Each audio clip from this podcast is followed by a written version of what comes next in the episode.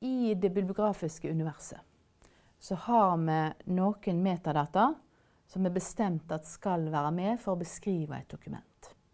Og nå bruker jeg bøker som eksempel, for det er lettest, men det gjelder for veldig mange typer dokumenter, andre typer dokumenter også. Vi har forfatter og tittel, og vi har emne.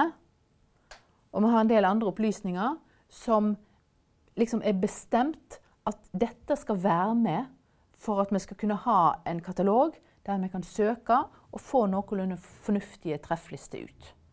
Vi vil at trefflista skal være det et stykke, en liste over litteratur som i størst mulig grad er det som den som søkte, ville ha.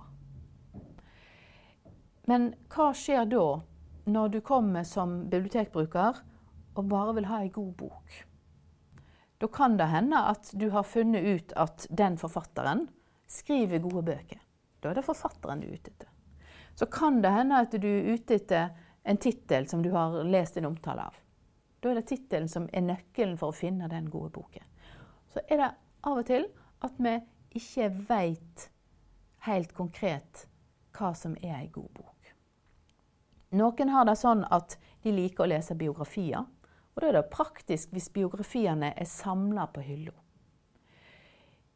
Hovedinndelingen i Dewey er sånn at biografier er ikke samla på hylla. Så da er du avhengig av enten at du kan søke på biografier i katalogen og få ei liste over aktuelle biografier der, eller at biblioteket har omrokert og sagt at Dewey gjør det ikke sånn, men på hylla hos oss, og Dewey tilrettelegger for det, så er biografier samla der borte.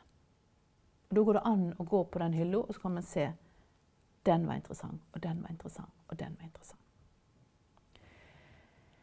Så fins det andre egenskaper, og kanskje særlig ved skjønnlitteraturen, som jeg tror vi bare må si at ikke fins i katalogene.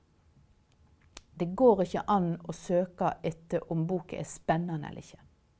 Det vil si, vi har sjanger. Og det fins noen sjangere som er knytta til at eh, handlingen følger ei spenningskurve.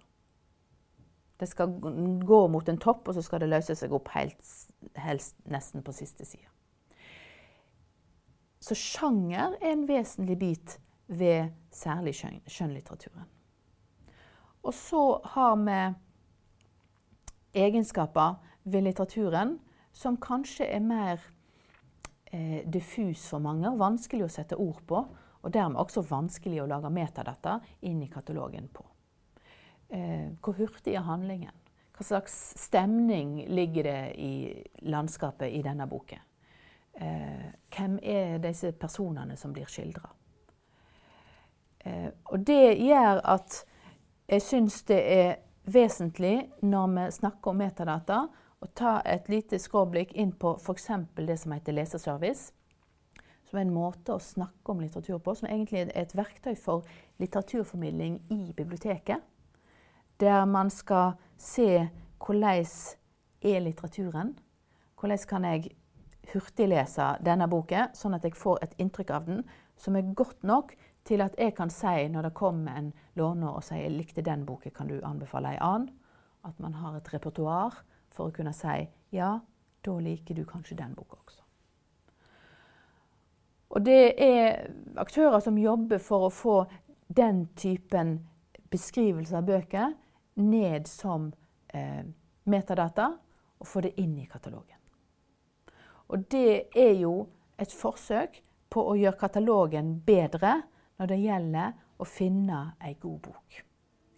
Kan jeg få ei god bok? Når låneren kommer til biblioteket i skranken, når låneren møter bibliotekaren mellom hyllene, eller når låneren på egen hånd går på nettsiden og finner og søker i katalogen, Hva metadata er det der som kan gi meg ei god bok?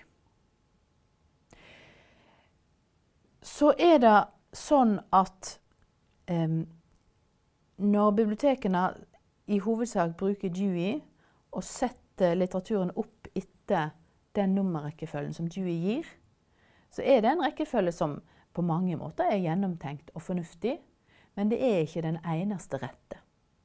Og en del bibliotek eh, gjør litt om på ting. Det er f.eks. sånn at folkeeventyr de blir etter Dewey regna som eh, folkeminne. Står på 390 og noe. Mens kunsteventyrene, de som er nyere og som er skrevet av en forfatter, de står på skjønnlitteratur. Og Da er det nærliggende, særlig på barneavdelinga, for mange bibliotek å ta folkeeventyrene og kunsteventyrene ut av Dewey og sette dem på ei egen hylle. Og så er det ting knytta til eh, håndverk og kunst som man kan ønske å samle. Ta eh, arkitektur og tegning og hobby og sette det sammen. Hvis du går på eh, interessefelt som jakt og fiske, så finner du ganske mye i du på 799 eh, der. Eh, men det ligger også litt på juss og litt på friluftsliv og litt på natur og litt på biologi. Og da kan det hende at noen bibliotek vil plukke fra de ulike delene av eh, samlingen og sette det på ei egen hylle. Dette kaller vi kategorisering. Og da eh, er det noen bibliotek som gjør det mye. Noen gjør det ingenting.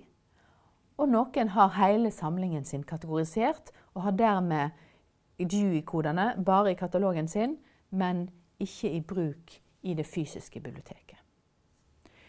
Det er ganske mange hensyn en må ta. Hvis du tar jaktlitteraturen og samler den på ei hylle, så har du samla den som er interessert i jakt, får da all jaktlitteraturen samla.